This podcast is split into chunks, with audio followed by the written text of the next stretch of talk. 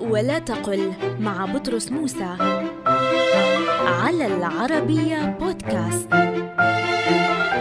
قل عددت فلانا صديقا ولا تقل اعتبرت فلانا صديقا لأن استخدام الفعل اعتبر بمعنى عد هو خطأ شائع وفعل اعتبر هو فعل على وزن افتعل ومعناه أخذ العبرة والتعظ ومعناه التعجب والتأمل. لذلك قل عددت فلانا صديقا ولا تقل اعتبرت فلانا صديقا.